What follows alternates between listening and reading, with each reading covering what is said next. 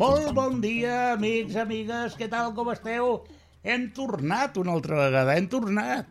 Hem tornat i hem arribat, perquè, bueno, la veritat és que estem contentíssims. Per què? Doncs primer perquè hem estrenat Sintonia. I, I us diré per què. Però no li digueu a ningú, eh? Molt probablement el proper programa el farem també per YouTube.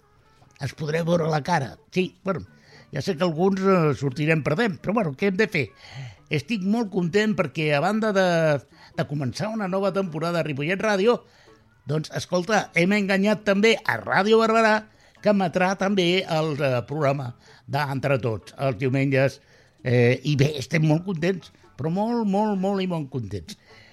bueno, del tot no, la veritat és que no, perquè, si m'ho permeteu, companys i companyes, eh, vull enviar una salutació i un record carunyós i, i, i molt sincer a un company que ens ha deixat aquest estiu, el Josep Maria Tatxer, persona molt lluitadora, persona que ha treballat molt en el món de la discapacitat aquí a Ripollet i que, bé, ens ha deixat, però com al seu dia ens va deixar la Pilar, la cuinera, la Pilar Pinto, el seu record, la seva lluita ens dona d'alguna manera energia per tirar endavant. I bé, eh, no ens volem començar tristos, simplement un record i, bueno, anem a saludar a la gent que ens acompanya, perquè també tenim novetats. Cristina Arroyo, molt bon dia. Hola, bon dia. Ai, també t'hem enganyat, a tu, eh? Doncs sí, també. doncs ara parlarem amb tu, deixa'm que saludi, si plau, amb una genoflexió, una reverència protocolària a la presidenta, excel·lentíssima i molt honorable presidenta d'entre tots, la Carmen Garrido. Carmen, què tal? Hola, bon dia. Sí, la, la, pelota, la pelota sempre continua Per si de cas, tu. Per si de cas. Mai se sap, eh? Una uh, més, una més, som una més de l'equip. Bon dia a tothom. Amb el company següent no, no li faig una genoflexió, no cal. Li dono una abraçada cordial i agafem una copeta i una ampolla de vi eh, i brindem que ens agrada a tots eh, aquesta... Toni Poparelli, benvingut. Bon dia, benvingut de tornada. Ens fa molt goig de tornar-nos a veure per aquí, preparar el programa de ràdio per tots. Molt bé, si us sembla, fem una ràfaga d'una ràfaga nova i comencem amb el sumari.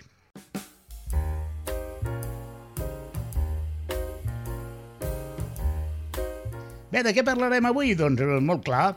Primer eh, parlarem amb la Cristina, la nostra nova col·laboradora, que d'un do la Cristina Arroyo, d'un do, és a dir, és que tenim uns fitxatges que, escolta tu, ni, ni, ni l'Mbappé, ni, ni, ni, ni el Haaland, ni res de tot això, tenim els millors. I la, la Cristina Arroyo ens demostrarà que ho és i té moltes coses a dir i moltes coses a portar. També parlarem de, i escoltarem una entrevista que li van fer a l'alcalde de Ripollet, a Luis Tirado i a la regidora que portarà els temes de discapacitat, la E. Barrera, i, i veurem que ens van dir a què es van comprometre i d'aquesta manera els hi podem tocar el crustó si veiem que no compleixen. Ja ens encarregarem de que facin la seva feina. La Carme ens parlarà de les vacances a mobilitat reduïda, que és una aventura, una aventura però de debò, i ens explicarà d'alguna manera eh, el seu, la seva experiència com a turista, que per cert, no para aquesta dona, eh? Vull dir, no para. I el Toni Puparelli ens donarà, crec, una bona notícia perquè parlarà de la fi del greuge fiscal a persones amb discapacitat.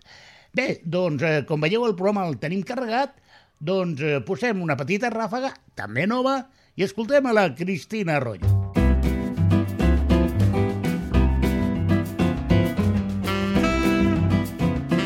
Bé, Cristina, eh, escolta, a banda de, de viure a Barberà, perquè eres una barbarenca de pro, ens podries, eh, no tenim gaire temps, tenim només 50 minuts, ens podries dir d'alguna manera què és, què fas eh, i tot això, si plau. Bueno, faré un petit resum, eh? eh bueno, pels que no em coneixeu, soc la Cristina Arroyo, eh, bueno, soc d'aquí de Barberà, de tota la vida, m'estimo moltíssim Barberà, o sigui que tot el que sigui per sumar i per aportar, encantada. I, bueno, eh, aprofitar també per donar-vos les gràcies doncs, per comptar amb mi, perquè per mi també és un, és un plaer poder, poder col·laborar. Doncs, bueno, soc la Cristina, treballo aquí a Barberà, soc jugadora d'hoquei en cadira de rodes elèctrica, soc la presidenta de la DB Barberà, que és l'entitat que, que gestiona aquest club d'hoquei, i també sóc eh, la responsable de la comissió de Mujer i Deporte a la Federació Espanyola de persones amb discapacitat física. Para, para, para, para, para, para, para, para, para. Clar, ho dius així, no? És a dir, ets la eh, responsable de l'esport femení de la Federació Catalana d'Esport de no, persones amb de l'espanyola, de l'espanyola. Ah, perdona de l'espanyola, vull dir, poca broma. Sí, sí, sí, sí, sí, sí, sí, sí. Caram.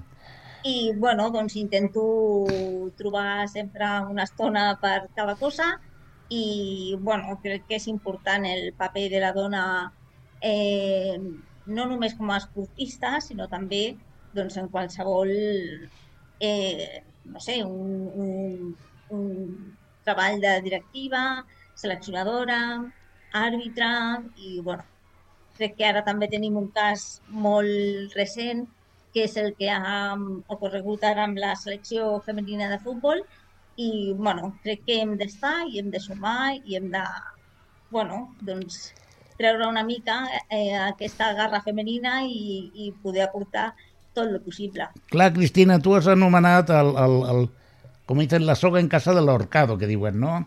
Has anomenat la paraula dona, la paraula feminisme, i clar, la Carme automàticament, que estava mitja dormideta, la pobra, perquè ja té una edat, saps?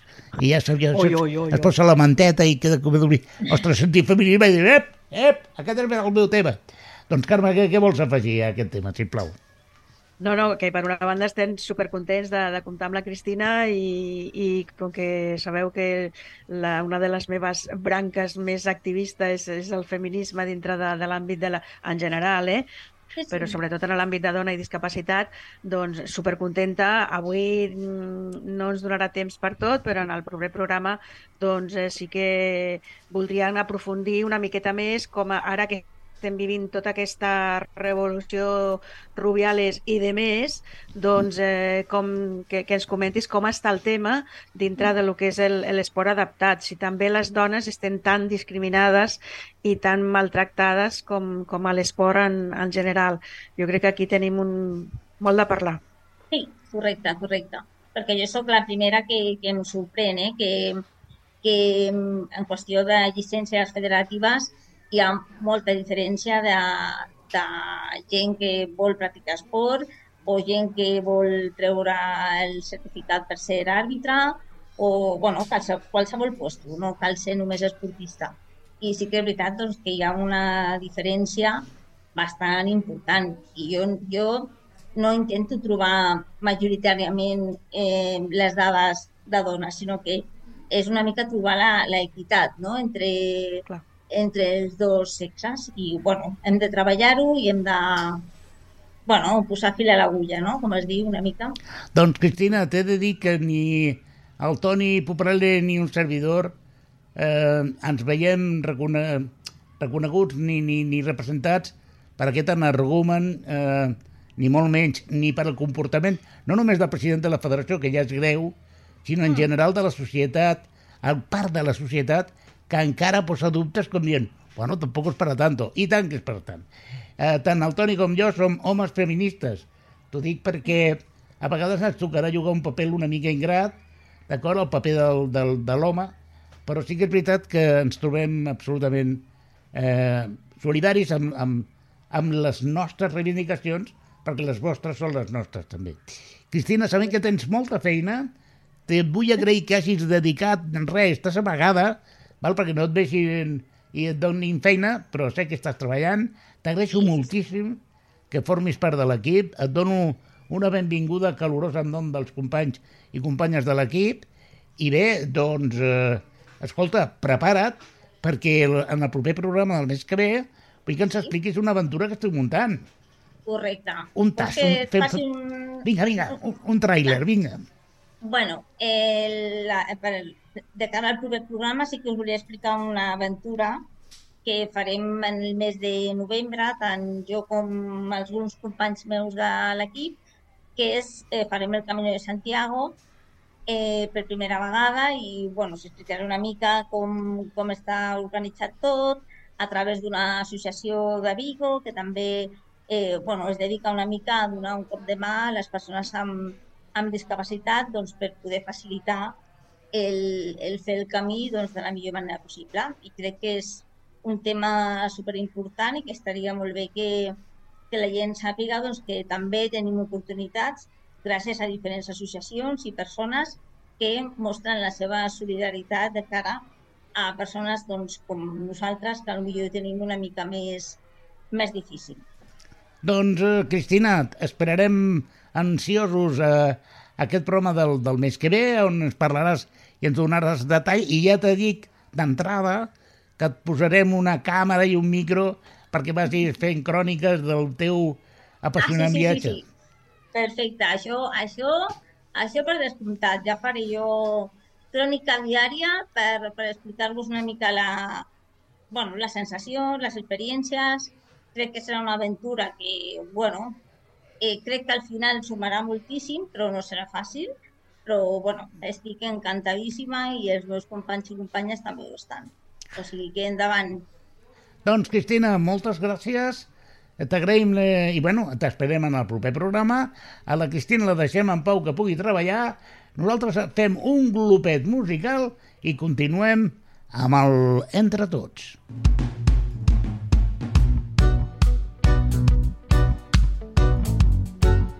Bueno, i una vegada hem escoltat a la Cristina Arroyo, doncs eh, escoltem ara, eh, a veure, eh, entre tots, cada any durant la Festa Major fa un programa, programa d'aquest de ràdio, ens sortim al carrer, parlem amb la gent i aquesta vegada, aprofitant que ha hagut un canvi de govern a l'Ajuntament de Ripollet, van convidar a la regidora Eva Herrera, eh, que porta els temes de persones amb discapacitat.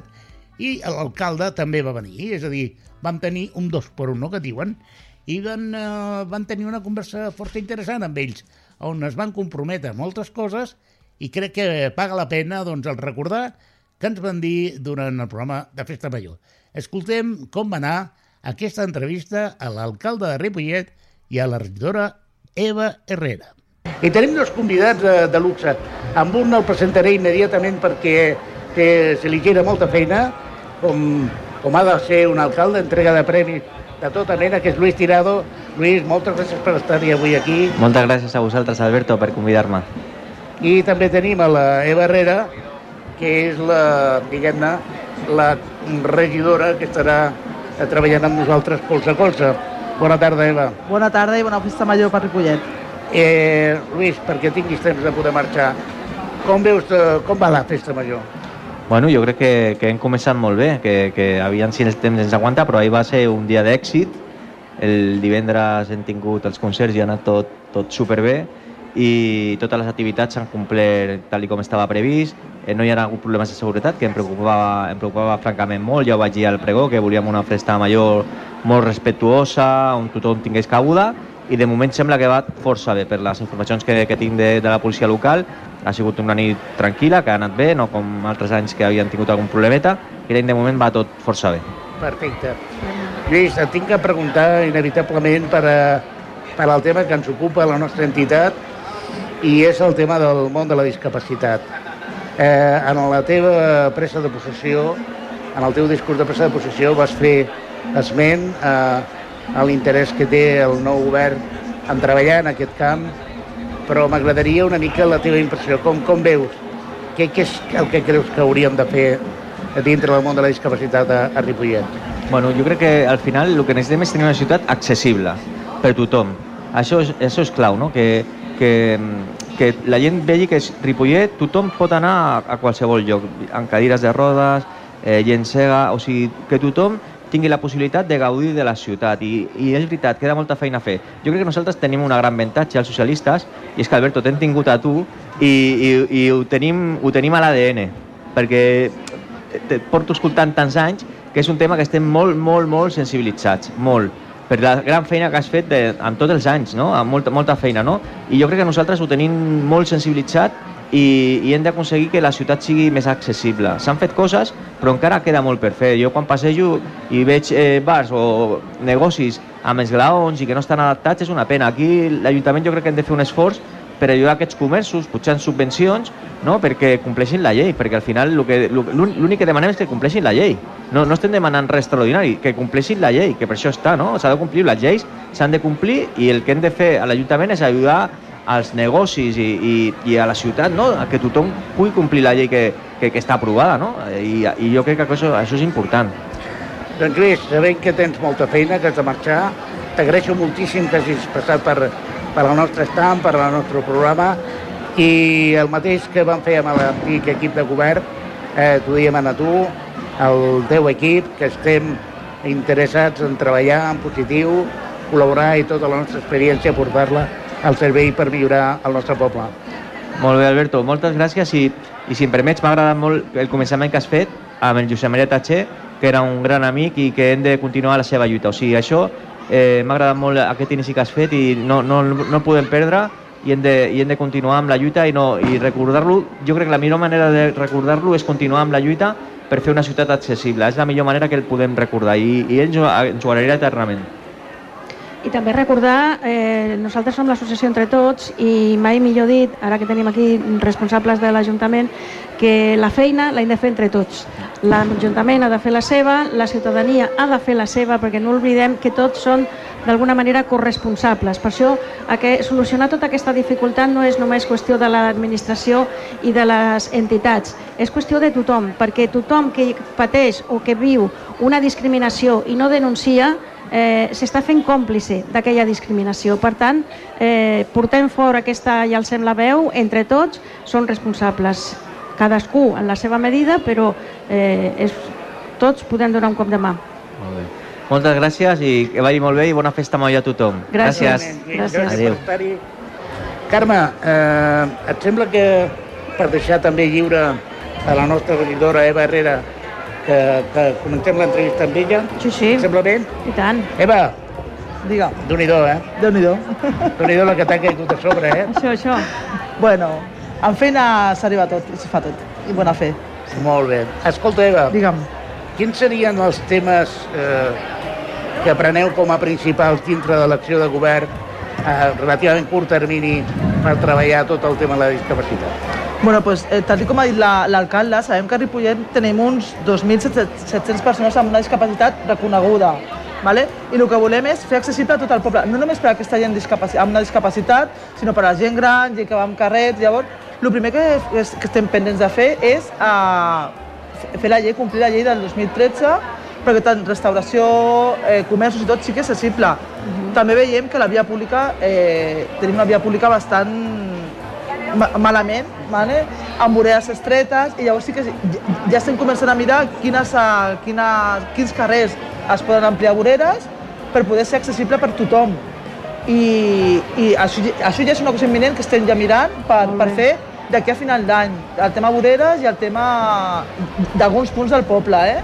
i el tema dels comerços i restauració.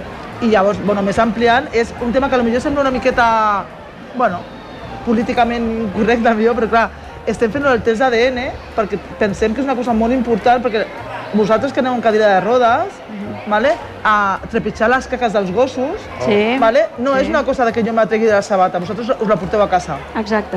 I llavors és un, un tema tema- que, és un tema que també I estem ja... sobretot si la cadira de rodes és manual. És manual, Ja t'arribes a casa i a, i a les mans. Exacte. I, I llavors dic, és un tema que eh, estan molt preocupats, gràcies a, com ha dit l'alcalde, a l'Alberto, que ens ho ha ficat a l'ADN, a l'ADN socialista de Ripollet, i petites coses que abans no pensàvem, perquè, a veure, els que no, no tenim una discapacitat que anem en cadira de rodes o són invidents, no tenim aquesta consideració, a lo millor, no? I llavors, gràcies a, a ell, ens ha anat ficant de mica en mica i aquest ADN el tenim, el tenim a, al nostre dintre ja. I sí, com ja ha dit la Carme, entre tots ho, ho, ho farem possible, segurament. Hi ha un tema que, que, que van començar a treballar amb l'anterior govern i que penso que, que hem de continuar i a més li hem de posar ja un fil a l'agulla, que diuen, no? Que és, és el tema dels comerços.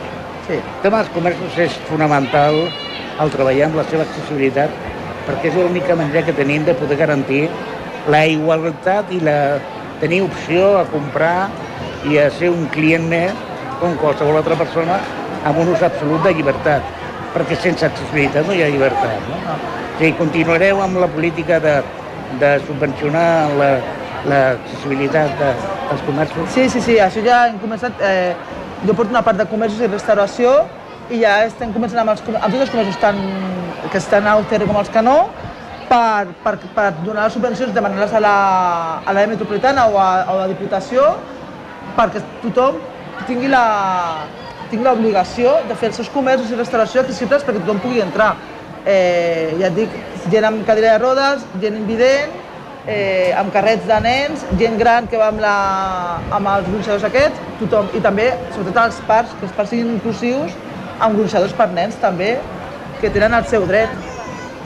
Eva, hi ha un tema que, hi ha un tema que, que ens importa molt i que es va, es va quedar aturat, que és la, la consolidació, la creació real de la Comissió de Persones amb Discapacitat, que va estar aprovada per ple, però que no es va poder arribar a constituir formalment. Eh, això serà una prioritat durant aquest any? Sí, sí, això ara al setembre estem començant a crear tots els processos de participació i totes les comissions que ja han estat aprovades per ple, a partir de setembre començar a treballar amb vosaltres, amb, amb, totes i sobretot amb vosaltres, per, per això, per fer Ripollet un poble, el poble pioner, accessible, que tothom es sentia a gust.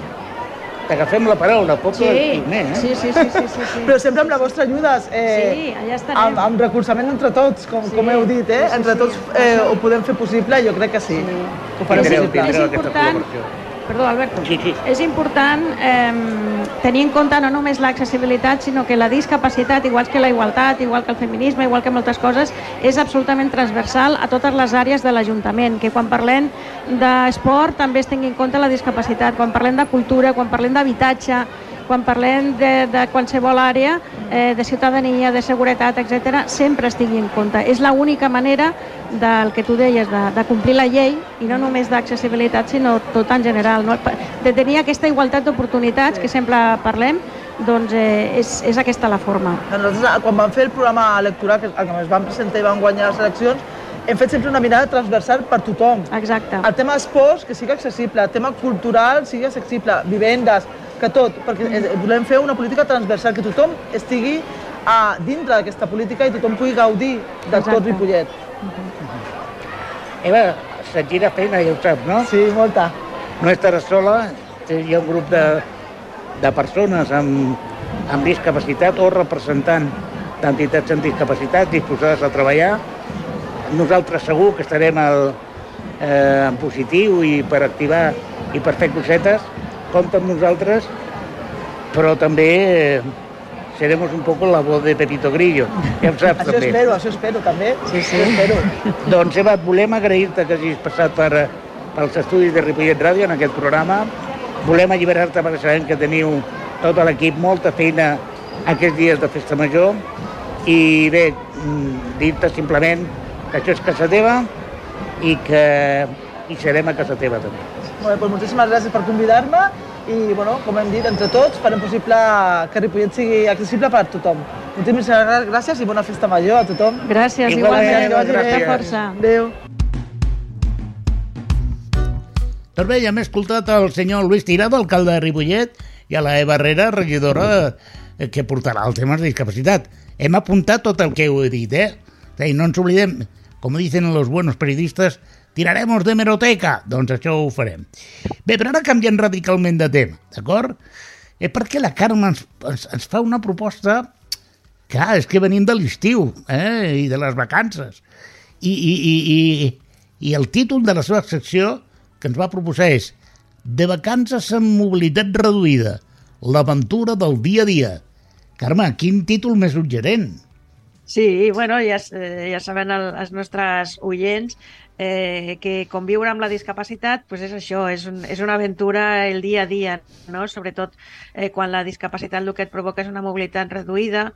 bueno, en general, tot, no? tenint en compte que la discapacitat és molt diversa, pues la persona sorda té unes circumstàncies, la persona invident també, i els que tenim una, una mobilitat reduïda a nivell motriz, doncs eh, també, no? I, i quan convius amb, amb una cadira de rodes, doncs no és fàcil. I, i fer vacances i sortir de vacances doncs, com, com hem explicat moltes vegades, van fer programes relacionats amb el transport, amb el transport aeri i el que significa moure't en cadira de rodes, doncs quan fas una reserva d'hotel, per exemple, i diuen que és accessible i tu t'ho creus, perquè dius, ostres, si ho posa a la web, si tu has fet la reserva, has contactat amb, no només amb la, a la empresa que, que fa la difusió de, del servei, sinó amb l'hotel directament o amb l'apartament directament i, i en diuen que sí, doncs el que no esperes és quan arribes a puesto trobar-te que no pots passar per la porta del lavabo, que no la dutxa no, no te pots dutxar perquè no és accessible o falten barres o, o, o, diferents eh, situacions, no? I clar, mm, això ja, mm, quan t'ha passat una vegada i una altra i una altra, quan tu fas la, la feina ben feta, és a dir, contactes, fas la reserva, t'informes, preguntes, eh, envies un correu electrònic fent saber, a més a més, fent saber, perquè ja quan fas la recerca ja poses eh, persona amb mobilitat reduïda o que sigui accessible a l'establiment i, i ells publiciten que el seu establiment té aquesta, aquesta diferència de que sí és accessible, te trobes que aquesta accessibilitat és molt diversa. Ens hem trobat apartaments que consideren que són accessibles perquè està tot en planta baixa. Sí, vale, però passo per totes les portes amb una cadira? No. Mm. Anem, anem pas a pas, perquè Clar, quan sí. una persona, diguem-ne, sense problemes de mobilitat, planifica les seves vacances, l'única cosa que mirar és el destí i el pressupost. No té més Exacte. preocupacions que aquestes, no? Però, en realitat, el, el nostre aventura comença, eh, com tu ben deies, eh, eh, a l'hora de planificar a on anem. I, I una de les coses que volia reflexionar amb vosaltres és el com anem, al destí, no? És a dir, Anem en el nostre vehicle, en alguns casos és possible, anem amb transport públic, bé, el transport públic entenem per transport públic l'avió, el tren, el vaixell... El tren, el bus, sí, sí. És a dir, de, de l'avió ja vam parlar en el seu moment, eh, mhm. -huh. que, que tornarem a parlar perquè és un tema que sí. clama al cielo. Vull dir, no entenc com les eh, agències internacionals eh, no agafen aquest tema seriosament el tren, eh, alguns estan força bé, però també tenen les seves carències i, i evidentment, els autobusos són absolutament impracticables per nosaltres. Com, tu, tu tinc entès que no fa gaire vas anar amb vaixell a la illa de Menorca. Com va anar aquesta sí. experiència? Va ser una de les experiències més positives um, en temes d'accessibilitat, ja que en aquest cas de Barcelona a Menorca hi ha un ferri eh, diàriament, eh, hi ha dues opcions de fer-ho de nit o fer-ho de dia, una són 8 hores, una altra són 4 eh, de, de temps eh, del trajecte. Nosaltres vam escollir la de 4 hores eh, i fer-ho i fer de dia amb el vehicle propi.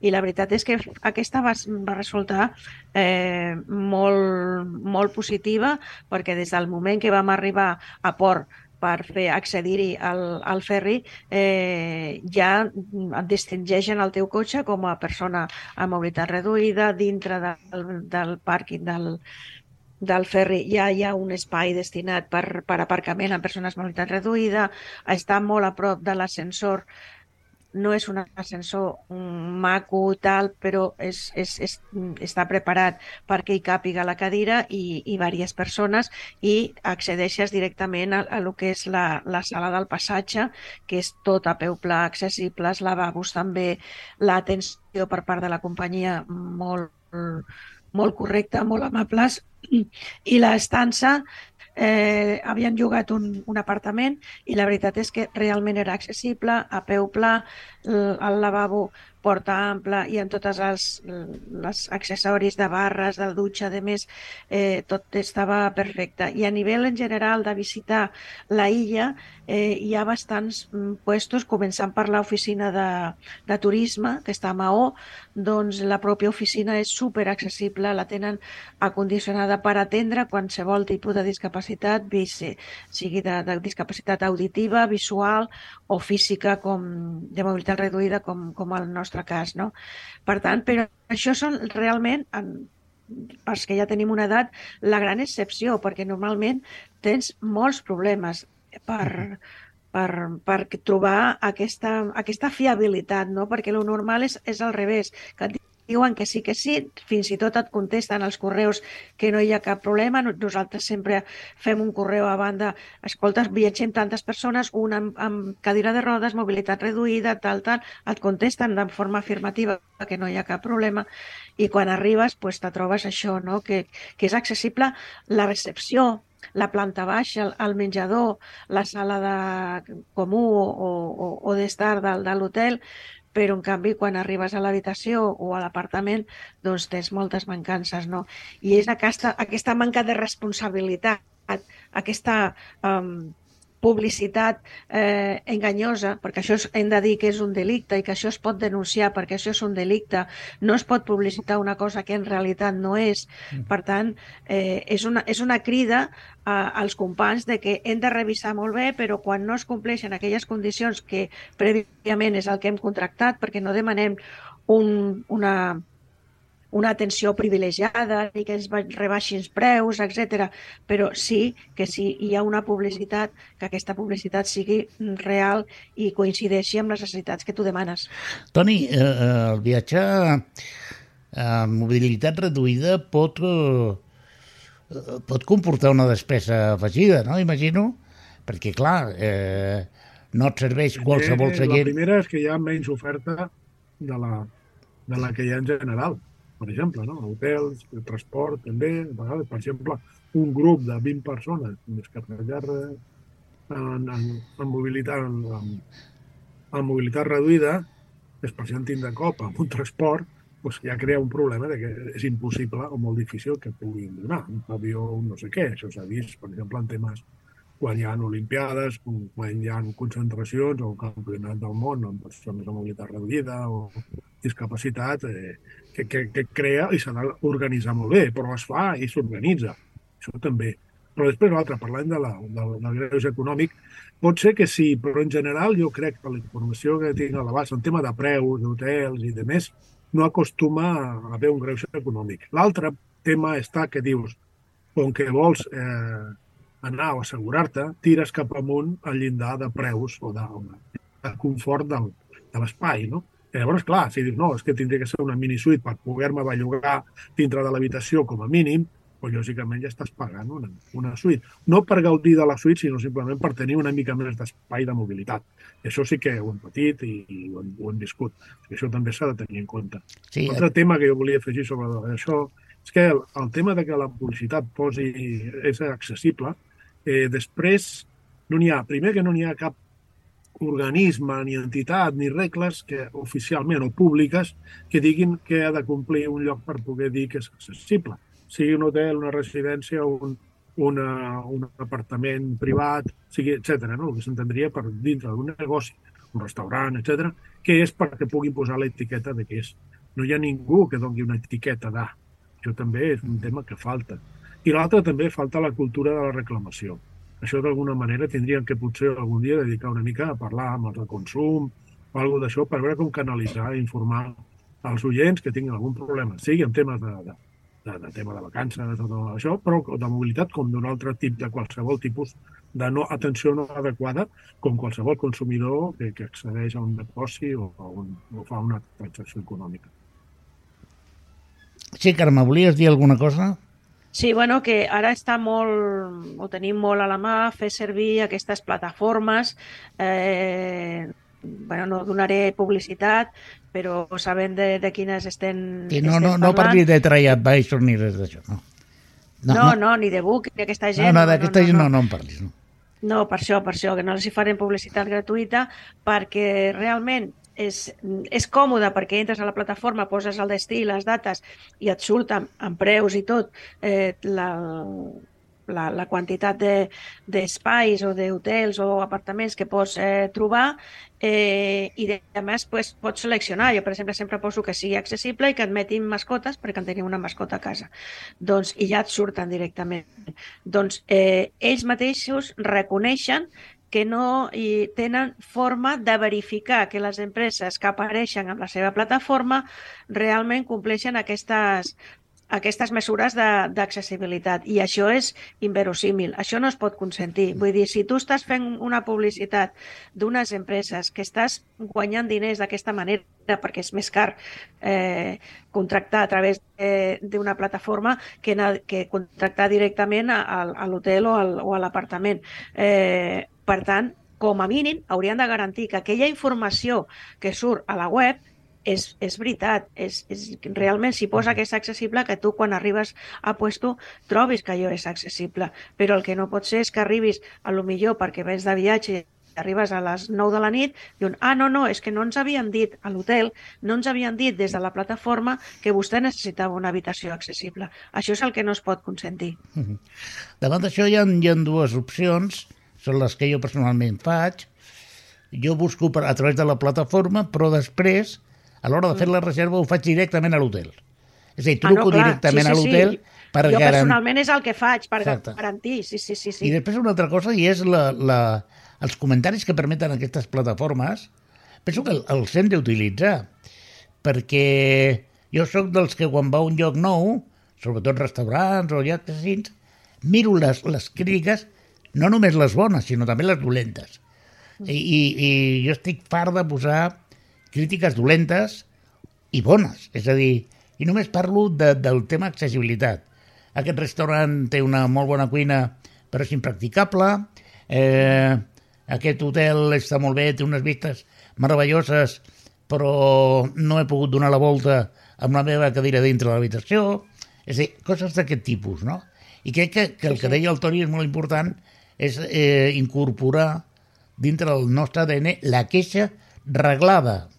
No la queixa Sí. amb els amics de... Ah, La- no, no, la. Això no serveix de res, això no serveix de És a res. dir, agafar un document, fer una reclamació com cal, amb educació i correcció, perquè moltes vegades la persona que t'atén no és pas la responsable, és normalment un treballador o treballadora del, de l'equipament i no és la propietària ni el propietari i per tant l'única cosa que fa és donar la cara i mirar doncs, de, de tractar-te amb més correcció possible. Per tant, el millor és agafar un document, demanar una reclamació i fer-la de forma formal. És l'única forma que hi ha, crec jo. I a més a més, ara amb la tecnologia és molt fàcil entrar a la web municipal del nostre municipi o de la Generalitat de Consum i fer una queixa formal, registrada i que quedi constància. Perquè la queixa, encara que a vegades ho posem a les xarxes socials, tal restaurant, sí, vale, mm, però això no queda eh, com a denúncia, no queda com a reclamació. I el que és important és que quedi reflectit. No?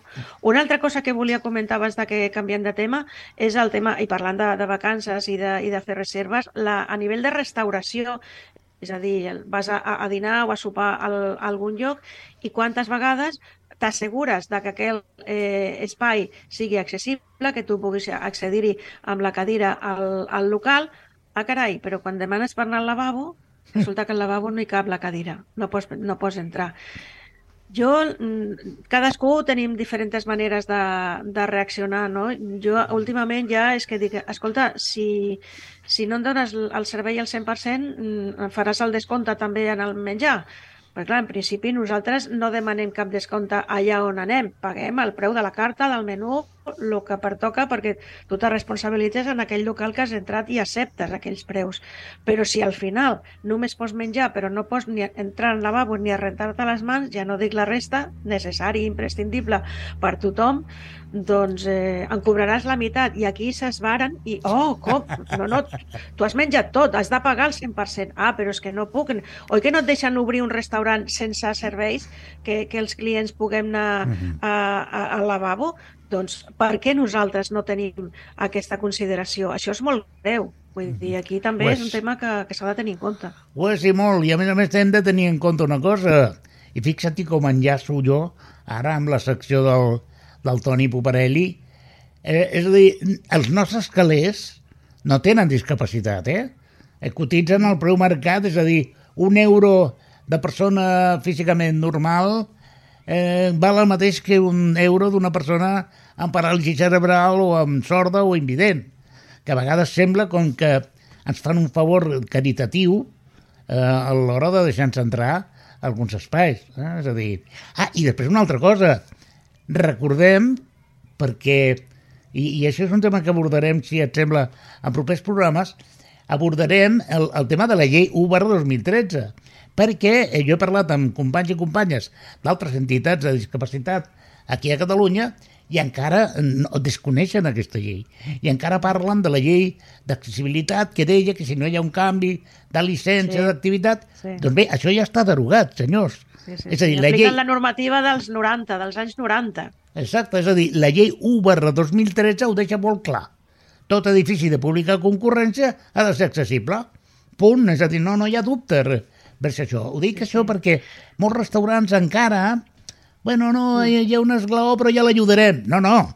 No m'ha d'ajudar, el que ha de treure's l'esglaó. I si no el pot treure, no pot obrir el local. És a dir, és que Punto. una mica el que tu deies, no, del lavabo, és a dir, ningú donaria un permís d'obertura a un restaurant que tingués rates eh, voltant amunt i avall. Doncs per què eh, eh, autoritzem l'obertura d'un local que té, que té barreres arquitectòniques? És a dir, no s'entén. Bueno, eh, escolta, fem un glopet musical i passem a la secció del Tori Poparelli? Doncs vinga, eh, prepareu-vos, obriu la boca i escolteu aquesta ràfaga musical.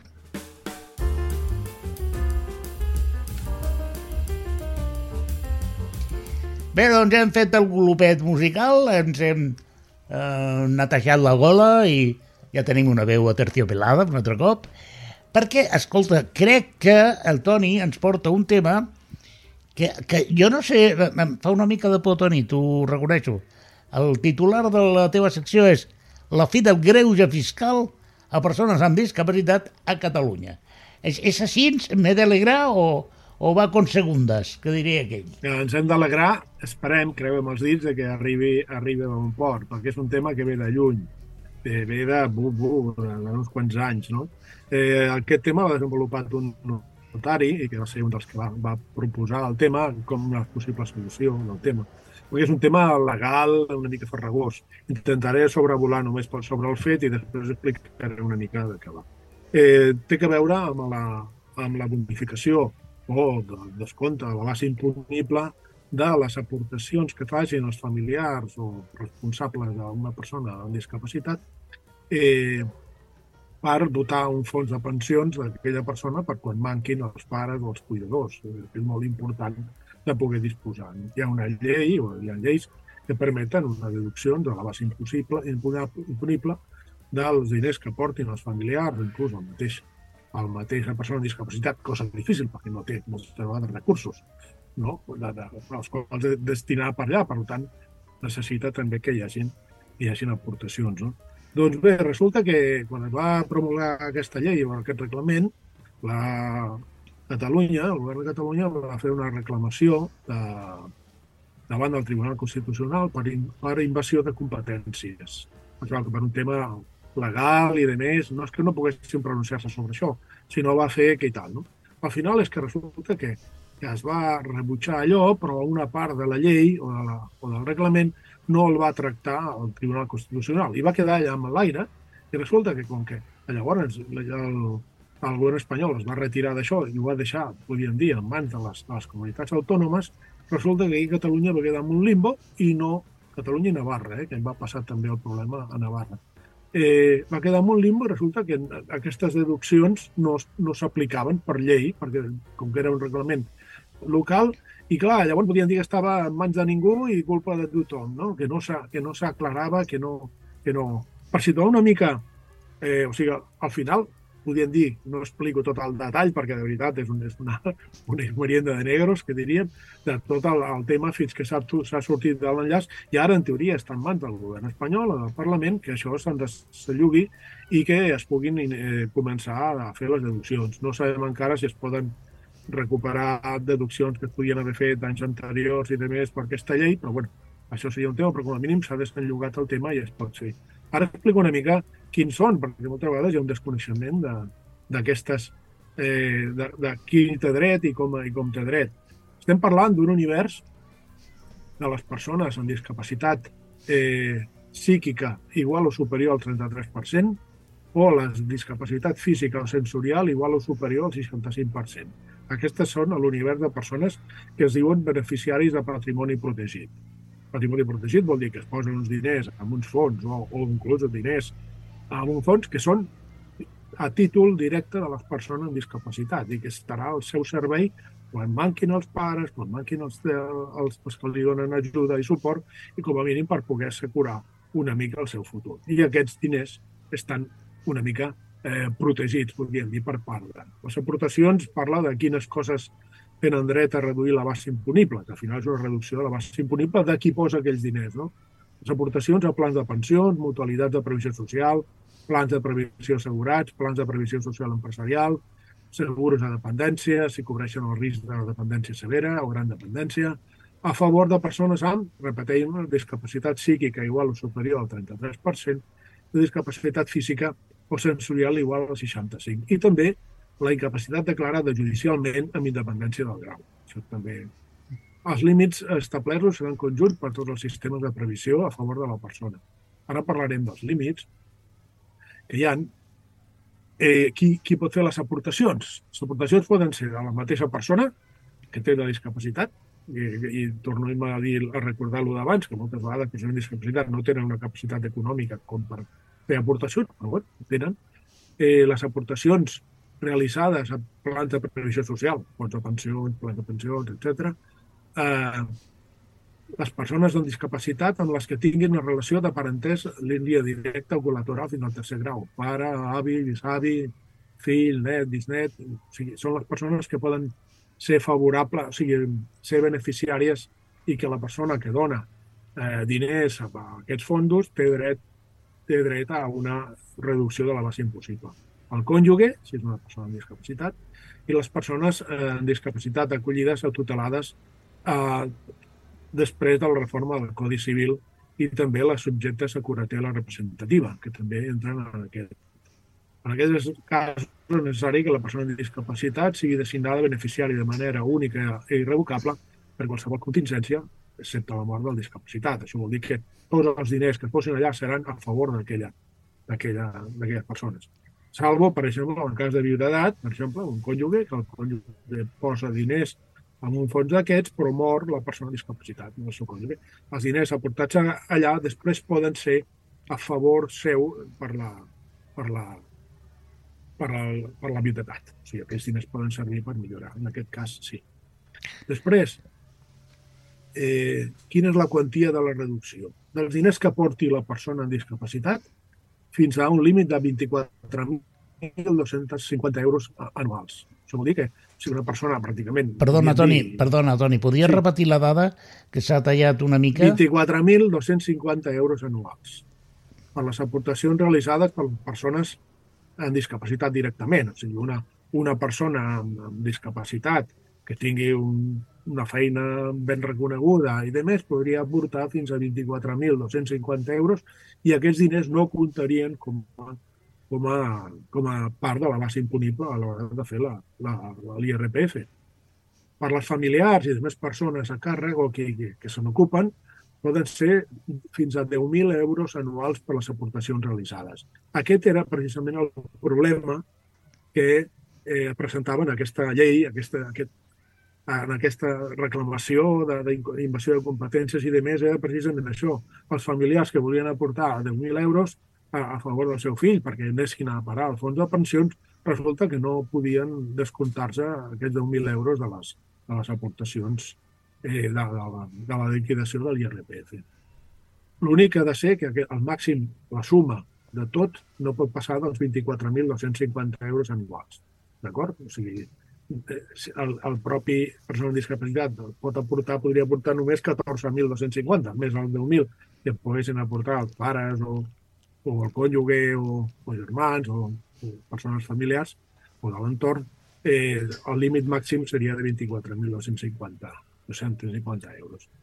El tractament fiscal que reben les, les prestacions eren això, tuessin rendiments de la feina en el moment de la percepció. Això també és important. Eh, quan d'esdevé que aquesta persona jubila o té dret a accedir, la persona amb discapacitat, arriba la contingència de que mor el pare, mor el no sé qui, o, o ella, persona jubila, arriba la, la jubilació, eh, pot disposar d'aquests diners com a rendiment del treball, com si fossin diners de la feina. i, lògicament, en totes les deduccions que es puguin aplicar en el moment de, pel seu grau de discapacitat. Que, si una persona té un grau de discapacitat del 65 o més per cent, un, percentatge elevat, doncs té una reducció molt important de la, de la base imponent de la, de la quota de IRPF.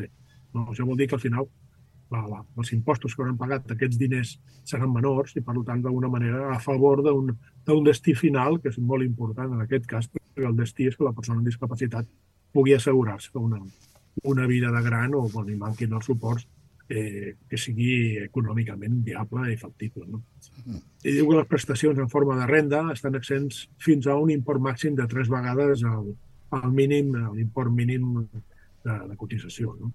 El límit de fins a tres vegades s'aplica de forma individual i separada amb els rendiments del treball derivades per les aportacions a patrimonis protegits. O sigui, això vol dir que té, a més a més, una protecció si hi ha rendes molt baixes perquè pràcticament, o, o, o amb un mínim que pràcticament no, no cotisi IRPF. I això és una manera de disposar d'aquests aquests recursos. Eh, el tema de la notícia venia a ser això, que era un tema que, encara que per llei es podia, però resulta que en l'aplicació pràctica a la comunitat autònoma de Catalunya i Navarra no es podia fer per un i també allà s'espaja d'una discussió legal entre, entre mig. Bé, perquè eh? després, Toni... Toni tema per... de conflictes. Dic que, que, perquè després diguin que només portes males notícies.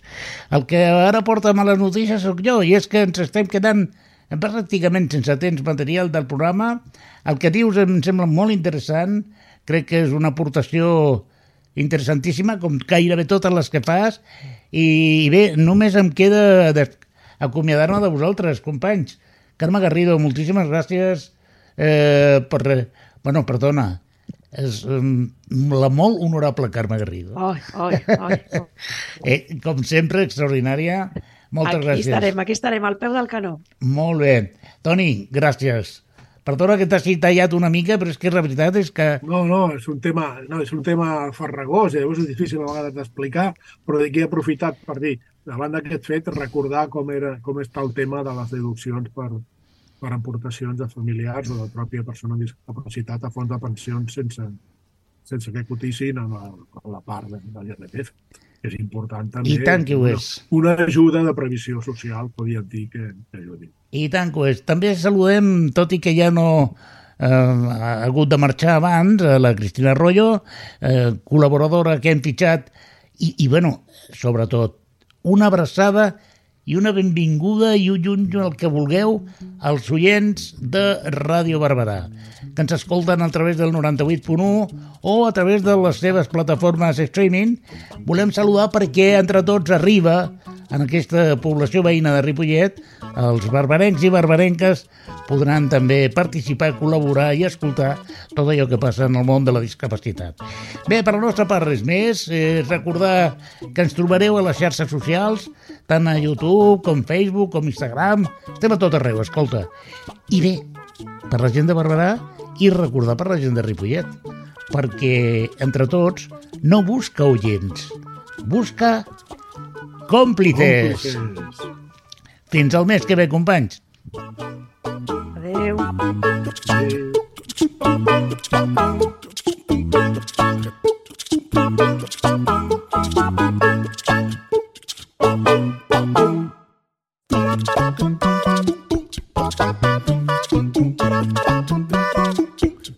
boom, boom, boom, boom, boom, boom, boom, boom,